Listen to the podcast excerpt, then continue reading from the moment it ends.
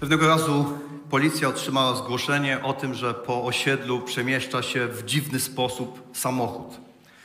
Dziwne było to, że ten samochód cały czas poruszał się po uliczkach na wstecznym biegu. Przybyły na miejsce patrol policji zatrzymał kierowcę, którym okazała się 18-letnia dziewczyna, a na pytanie, dlaczego jeździ po uliczkach na wstecznym biegu, przyznała się, że bez zgody rodziców wzięła rodzinne auto i była pewna, że po stanie licznika jej ojciec odkryje, co się stało i nie pozwoli jej już nigdy skorzystać z samochodu. Dlatego postanowiła jeździć na wstecznym z nadzieją, że licznik się cofnie i dzięki temu tata się nie spostrzeże, a ona będzie miała kolejną szansę, żeby prowadzić rodzinne auto. Czy życie nie byłoby piękne, gdyby czasami od czasu do czasu udało się tak cofnąć licznik? Na przykład licznik czasu. Jedziemy samochodem, zatrzymuje nas policja, przekroczyliśmy prędkość, dostajemy mandat i punkty, ale wiemy, że to się nie liczy, bo jesteśmy w stanie cofnąć licznik i nie ma mandatu, kolejna szansa. Albo bank przysyła nam wyciąg z konta, okazuje się, że nie tylko nie radzimy sobie ze spłacaniem kredytu, ale jeszcze przekroczyliśmy debet. Ale nie martwimy się tym, no bo co? Cofniemy licznik i środki są znowu na koncie. Kolejna szansa.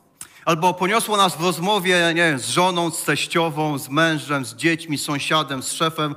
Padły niepotrzebne słowa, ale wiemy, że to się nie liczy. Cofamy licznik, nowa szansa. Od trzech tygodni przyglądamy się historii biblijnego Jonasza. To jest człowiek, który otrzymał od Boga kolejną szansę.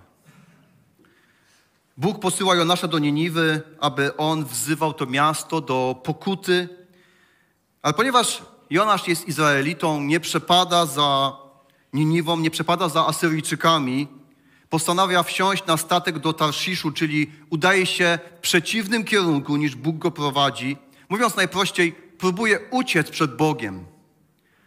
I kiedy jest w czasie rejsu do Tarsziszu, dochodzi do burzy, a po jakimś czasie załoga się orientuje, że to właśnie ten Jonasz jest powodem całej tej sytuacji, przyczyną sztormu i po pewnych wahaniach Jonasz zostaje wrzucony do morza.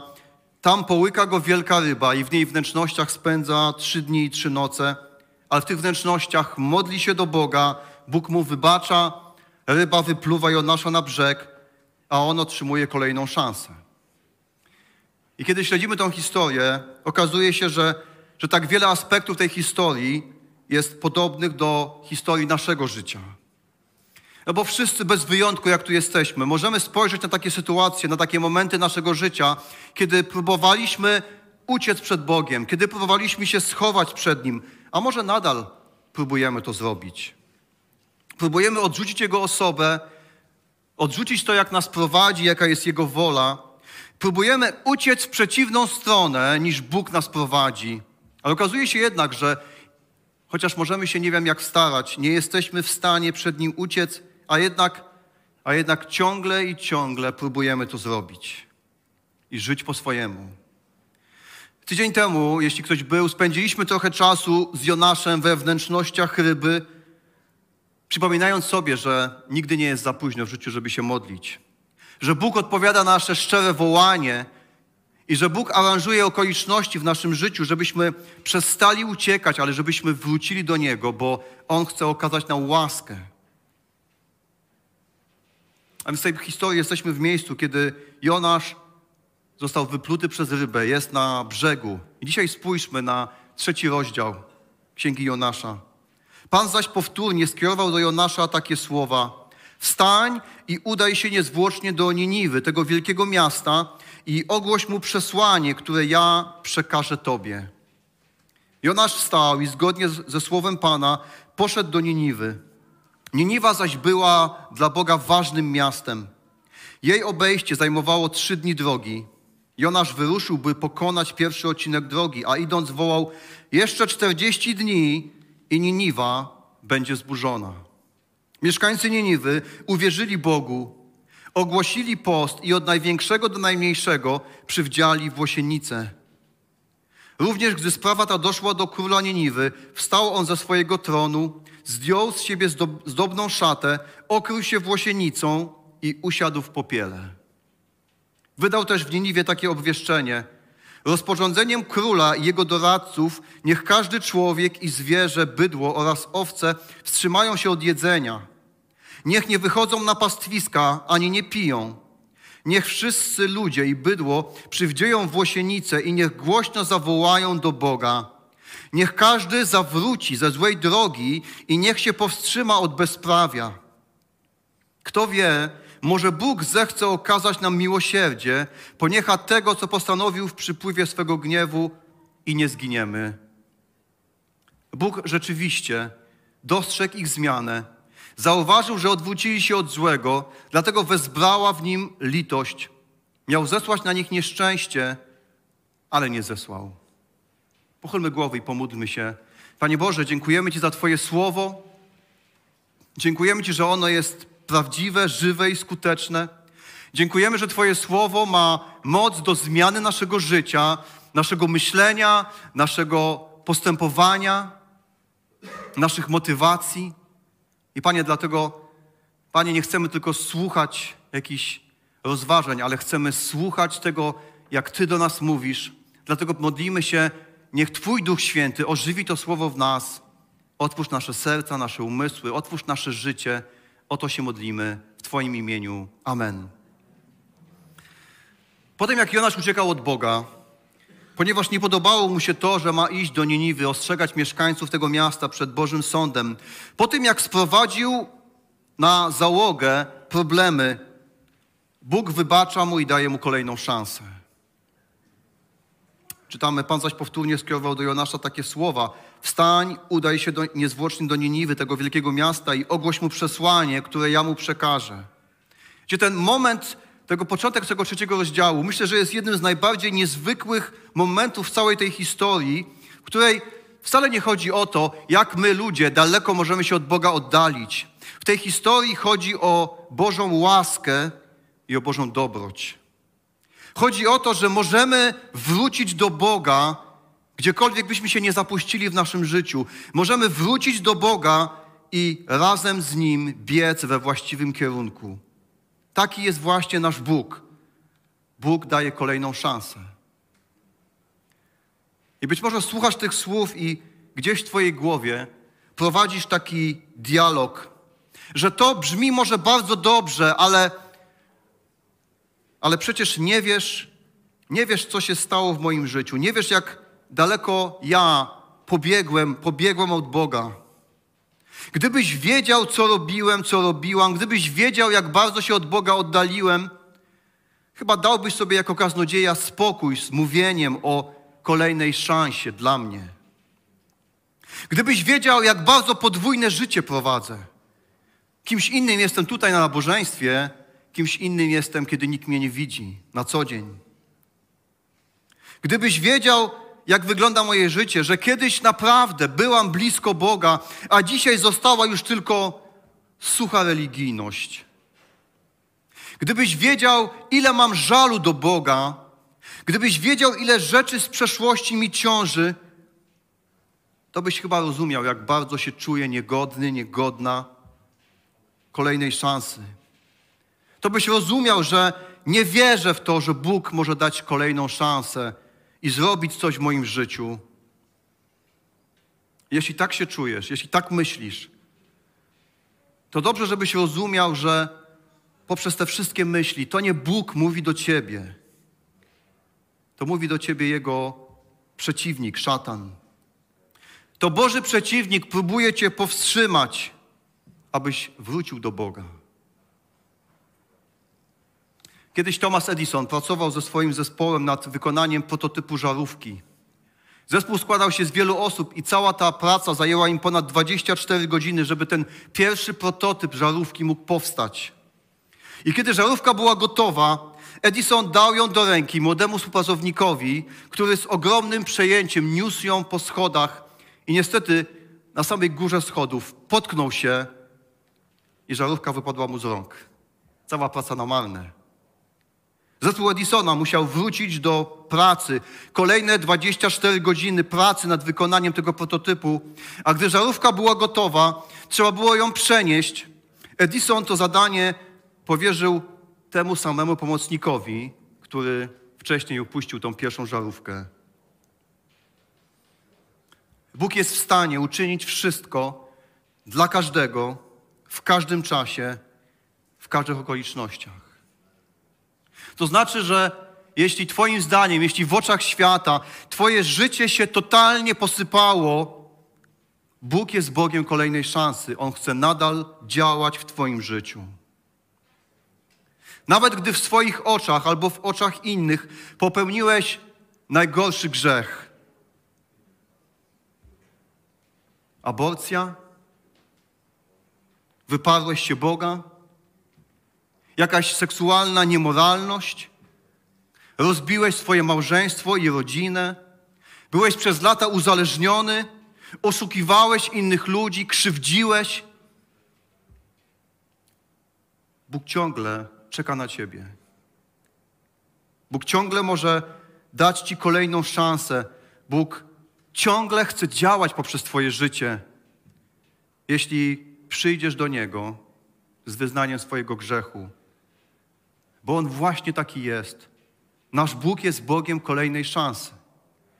Nie tylko tych biblijnych bohaterów opisywanych na kartach Pisma Świętego, ale On jest Bogiem kolejnej szansy dzisiaj w moim i Twoim życiu, w XXI wieku. On zawsze był, jest i będzie Bogiem kolejnej szansy. Dał ją Jonaszowi i chce ją dać także nam. A ta kolejna szansa, którą daje nam Bóg, nie polega jedynie na tym, że On nam przebacza, ale na tym, że On naprawdę, prawdziwie chce działać w naszym życiu i poprzez nasze życie. I dlatego Bóg mówi do Jonasza to, co powiedział na początku pierwszego rozdziału. Idź do Niniwy, do tego wielkiego miasta, ogłoś im przesłanie, które ja Tobie daję. I Bóg nie mówi, nie, Bóg nie mówi, pomyliłem się, zbyt optymistycznie oceniłem Cię, Jonaszu. Powinienem posłać kogoś innego, nie sprawdziłeś się. Jonaszu, może jakieś inne zadanie dla Ciebie? Nie.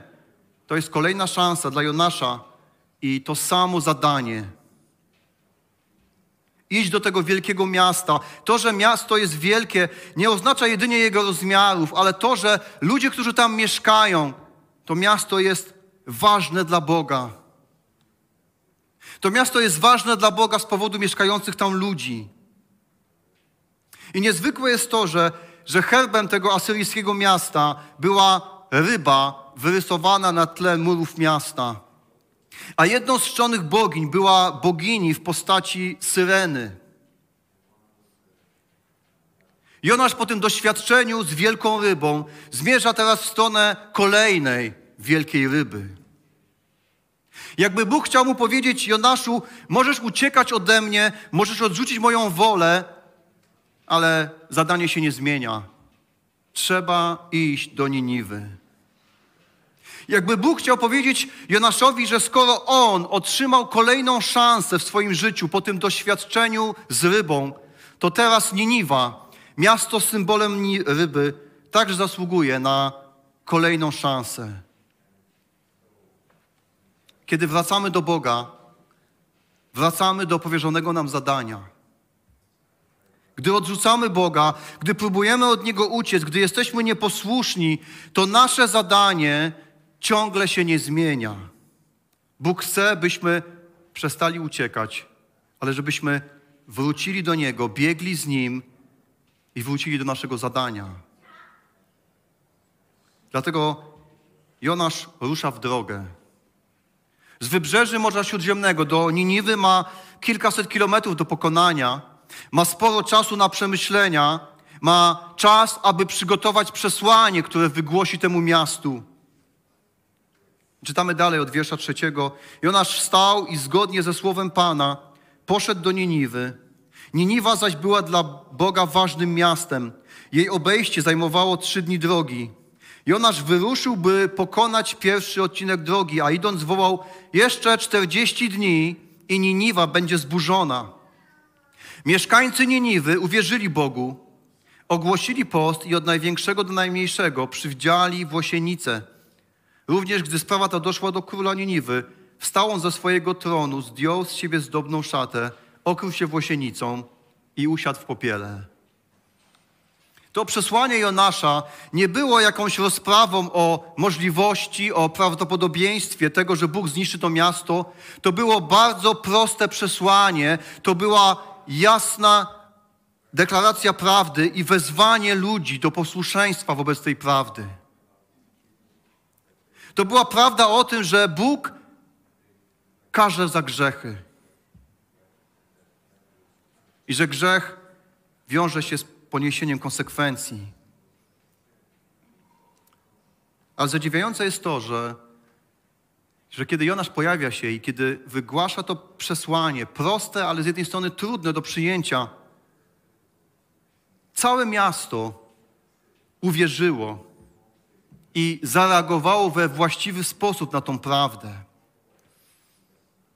Czytamy te słowa i to jak wszystko tak gładko idzie, a warto, żebyśmy sobie przypomnieli, jakimi ludźmi byli Asyryjczycy, co to było za miasto.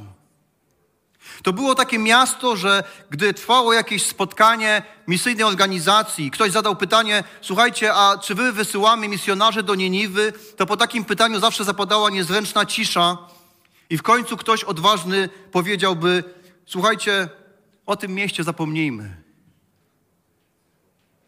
To jest jedno z najbardziej bezbożnych miast. Tam mieszkają najbardziej brutalni ludzie na świecie. Tam nie ma sensu wysyłać misjonarza. To nic nie da. To jest miasto pełne grzechu, brutalności, beznadziejne. Tam mieszkają ludzie, którzy nikomu nie dają drugiej szansy. Ale Pan Bóg tak nie uważał. Chciał, aby przesłanie o sądzie za grzechy, ale też z drugiej strony o możliwości łaski. Chciał, żeby to przesłanie dotarło do miasta. Chciał, żeby ta wiadomość dotarła przez Jonasza. I zadziwiające jest to, że, że człowiek, który nawet nie lubił tego miasta, nie lubił tych ludzi, zaniósł to Boże przesłanie, a ci ludzie przyjęli to przesłanie uwierzyli. Bo to, czego Bóg oczekuje od nas ludzi, to jest uwierzyć Mu. I nam często tak łatwo przychodzi uwierzyć innym ludziom, a tak trudno jest nam w życiu uwierzyć Bogu. Ale tego właśnie Bóg oczekuje od nas ludzi uwierzyć Jemu. Uwierzyć, że On dał swego Syna, Jezusa, który umarł na krzyżu za nasze grzechy. I jeśli w to uwierzymy, jeśli to przyjmiemy, będziemy uratowani od Bożego gniewu i sądu. Będziemy uratowani bez względu na to, jak daleko się zapuściliśmy w naszym życiu od Boga. Jeśli to uwierzymy, jeśli to przyjmiemy, możemy otrzymać przebaczenie i kolejną szansę. I to jest niezwykłe, że tamci ludzie tak szybko i łatwo uwierzyli. Być może myślimy sobie, no to by było wspaniale, gdyby dzisiaj ludzie w taki sam sposób przyjmowali to Boże przesłanie.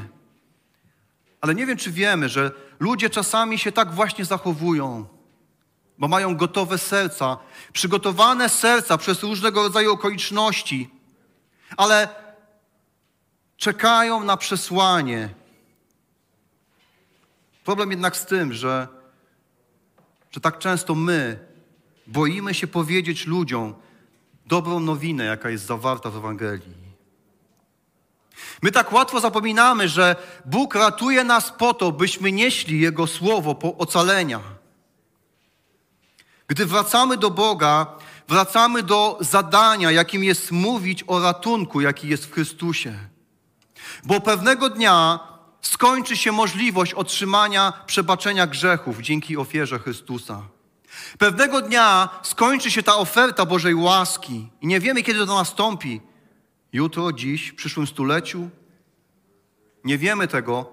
Dlatego jako uczniowie Chrystusa nie możemy nie mówić o Nim, a jako ludzie słuchający tego przesłania, nie możemy przyjęcia tego przesłania odkładać na później. Odkładanie jest bardzo nierozsądne i bardzo ryzykowne. Mieszkańcy Niniwy słuchają Jonasza, słuchają tego Bożego przesłania i wierzą w to, co Bóg mówi przez Jonasza. Może zdają sobie sprawę, że są naprawdę niegodziwi i zasługują na śmierć. Słuchają tego, co mówi Jonasz i są uczciwi wobec swoich grzechów. I niezwykłe jest też to, że oni sobie zdają sprawę, że ta Boża oferta w pewnym momencie wygaśnie. W ich przypadku to jest 40 dni od tego kazania, jakie Jonasz do nich wygłasza. Całe miasto wierzy Bogu, łącznie z samym królem, który wydaje takie polecenie. Rozporządzeniem króla i jego doradców niech każdy człowiek i zwierzę, bydło oraz owce wstrzymają się od jedzenia. Niech nie wychodzą na pastwiska ani nie piją. Niech wszyscy ludzie i bydło przywdzieją włosienice i niech głośno zawołają do Boga. Niech każdy zawróci ze złej drogi i niech się powstrzyma od bezprawia. Kto wie, może Bóg zechce okazać nam miłosierdzie. Poniecha tego, co postanowił w przypływie swego gniewu i nie zginiemy. Miasto jest świadome, ludzie są świadomi tego, że wszystko musi ulec zmianie, że wszyscy są wzywani i zobligowani do postu, do pokuty, że wszyscy przed Bogiem są w takiej samej sytuacji, że wszyscy są w takiej samej potrzebie, że wszyscy są grzeszni i potrzebują Bożej łaski i przebaczenia.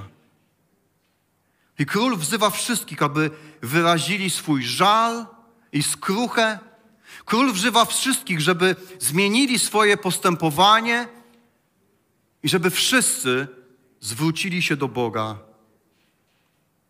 Wygląda na to, że, że oni się naprawdę przejęli tym, co usłyszeli. Kiedy my wracamy do Boga po raz pierwszy czy po raz kolejny, musimy być tak samo przejęci jak oni. Musimy tak samo mieć tą skruchę, żal, odwrócić się od grzechu. Musimy tak jak oni zawołać do Boga i zaufać Mu. Mieszkańcy Nieniwy uwierzyli Bogu. Czy to znaczy, że on był tak wspaniałym misjonarzem i kaznodzieją? Kiedy czytamy ten opis, trudno to wywnioskować. To, to jego przesłanie nie jest ani porywające, ani nie jest jakimś dziełem kunsztu oratorskiego. Na czym zatem polega sukces tej misji? Kilka prostych zdań, miasto się nawraca. Gdzie jest sukces? Ze źródeł historycznych wiemy, że, że to był bardzo trudny i niespokojny czas dla mieszkańców tego miasta. Właśnie w tym czasie mieszkańcy Niniwy doświadczyli plagi suszy i szarańczy, byli świadkami też zaćmienia słońca, które było interpretowane jako zapowiedź, znak, że bogowie są na nich zagniewani. A na dodatek krążyły wieści o wojowniczych armiach, które nadciągały z północy tak okrutnych armiach, że Asyryjczykom, którzy potrafili swoich wrogów obdzierać ze skóry, teraz kiedy słyszeli o tych wrogich armiach, im samym ciepła skóra o nadciągającym niebezpieczeństwie. I okazuje się, że Pan Bóg ma niezwykłe wyczucie czasu. To wszystko się działo, to wszystko, tego wszystkiego doświadczali mieszkańcy miasta i nagle w tym momencie pojawia się Jonasz, kiedy mieszkańcy są mocno zaniepokojeni. Bóg wykorzystuje to, co dzieje się wokół, aby wzywać to miasto do pokuty. A więc gdy pojawia się Jonasz w mieście, a bibliści uważają, że po swoich doświadczeniach we wnętrzu ryby wygląda dość nietypowo, jego cera ma niezwykle białą karnację. Miasto patrzy na tego człowieka, słucha jego słów i przyjmują Boże przesłanie. Chociaż mogłoby się wydawać, że ci ludzie Niczego się nie boją, niczego nie potrzebują. Mają wszystko, są potęgą, a jednak miasto przychodzi do Boga. I nie dlatego, że Jonasz się wspaniale przygotował i wygłosił niezwykłe przesłanie, ale dlatego, że Bóg działał już wcześniej. poprzez okoliczności przygotowywał ich serca, żeby byli gotowi słuchać tego, co Jonasz ma do powiedzenia. Bóg działał w ich życiu wcześniej, zanim to dostrzegali. I tak samo działa w naszym życiu i w życiu ludzi wokół nas. Ta potężna praca Boga w moim życiu, której doświadczyłem, przypomina mi o tym, aby ufać, że On pracuje w życiu innych. Kiedy Bóg kładzie na serce kogoś jakąś sprawę, kiedy czujemy jakiś wewnętrzny imperatyw, żeby z kimś rozmawiać, dać świadectwo, zaprosić na nabożeństwo, opowiedzieć swoją historię. Często naszą pierwszą reakcją jest myślenie, ale przecież ta osoba nie wygląda na zainteresowaną i na pewno nie jest. Czasami patrzymy na ludzi wokół, myślimy sobie, to jest beznadziejny przypadek, szkoda mojego czasu. Ci ludzie są zbyt zanurzeni w grzechu i w tym świecie. Są zbyt daleko od Boga, oni w ogóle w Niego nie wierzą. Albo myślimy, że ci ludzie, oni niczego nie potrzebują, wszystko mają, a na dodatek wyglądają na szczęśliwych. I tak łatwo zapominamy o tym, że, że to, co widać na zewnątrz, jakże często jest mylące i dalekie od rzeczywistości. Jonasz też mógł pomyśleć, no dobrze, wykonam to zadanie, ale ja wiem, jaka będzie reakcja. To są okrutni poganie. Nie ma takiej szansy, żeby oni przyjęli to, co powiem. Oni nie wyglądają na zainteresowanych i otwartych, ale okazało się, jak bardzo się mylił. Byli bardzo zainteresowani. Bóg działał przed Jonaszem, zanim on tam się jeszcze pojawił. I tak samo jest dzisiaj. Bóg działa w naszym życiu i w życiu wokół, ludzi wokół nas. My się często zastanawiamy, jak i gdzie tutaj zacząć, żeby temat Boga się pojawił, gdy stykamy się z ludźmi. Zastanawiamy się, ile wiedzy muszę posiadać, żeby móc rozmawiać z ludźmi o Bogu. Zastanawiamy się, jak i gdzie mam zacząć, a tymczasem nic nie musimy zaczynać. Wystarczy, że się przyłączymy do tego, co Bóg już dawno robi w życiu innych ludzi.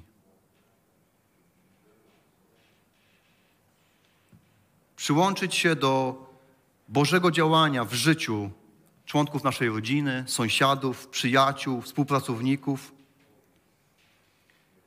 My tego nie widzimy, ale Bóg nieustannie działa w życiu ludzi, żeby przygotować ich serca na Jego słowo, aby te serca były otwarte na przyjęcie Jego Ewangelii, która mówi o Jego łasce i ratunku dla każdego człowieka. Może dzisiaj członek Twojej rodziny wydaje się być daleko od Boga. Albo ten znajomy czy przyjaciel nie chce słuchać o Jezusie. Dzisiaj jest totalnie anty. Ale mimo tego nie zniechęcaj się, nie poddawaj się, bo Bóg działa w życiu tej osoby. Dlatego nie uciekaj od Boga, ale biegnij w Jego kierunku i bądź wierny zadaniu, które On Ci powierzył. Bo każdemu, który uważa się za Jego ucznia, On powierzył proste zadanie opowiadania o Nim i o łasce i ratunku, które są w Nim. Każdy uczeń Chrystusa ma swoją Niniwę. Każdy uczeń Chrystusa ma swoją Niniwę, do której On nas posyła. Pytanie dzisiaj, jak ma na imię Twoja Niniwa? Kim jest Twoja i moja Niniwa dzisiaj?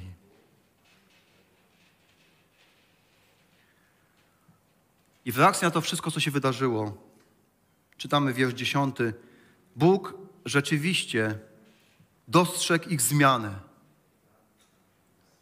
Zauważył, że odwrócili się od złego, dlatego wezbrała w nim litość. Miał zesłać na nich nieszczęście, ale nie zesłał. Taki jest właśnie nasz Bóg. Nie cofa licznika czasu w naszym życiu, ale daje kolejną szansę. Kolejną szansę, byśmy wrócili i biegli razem z Nim. To jest nasz Bóg. Powstańmy do modlitwy.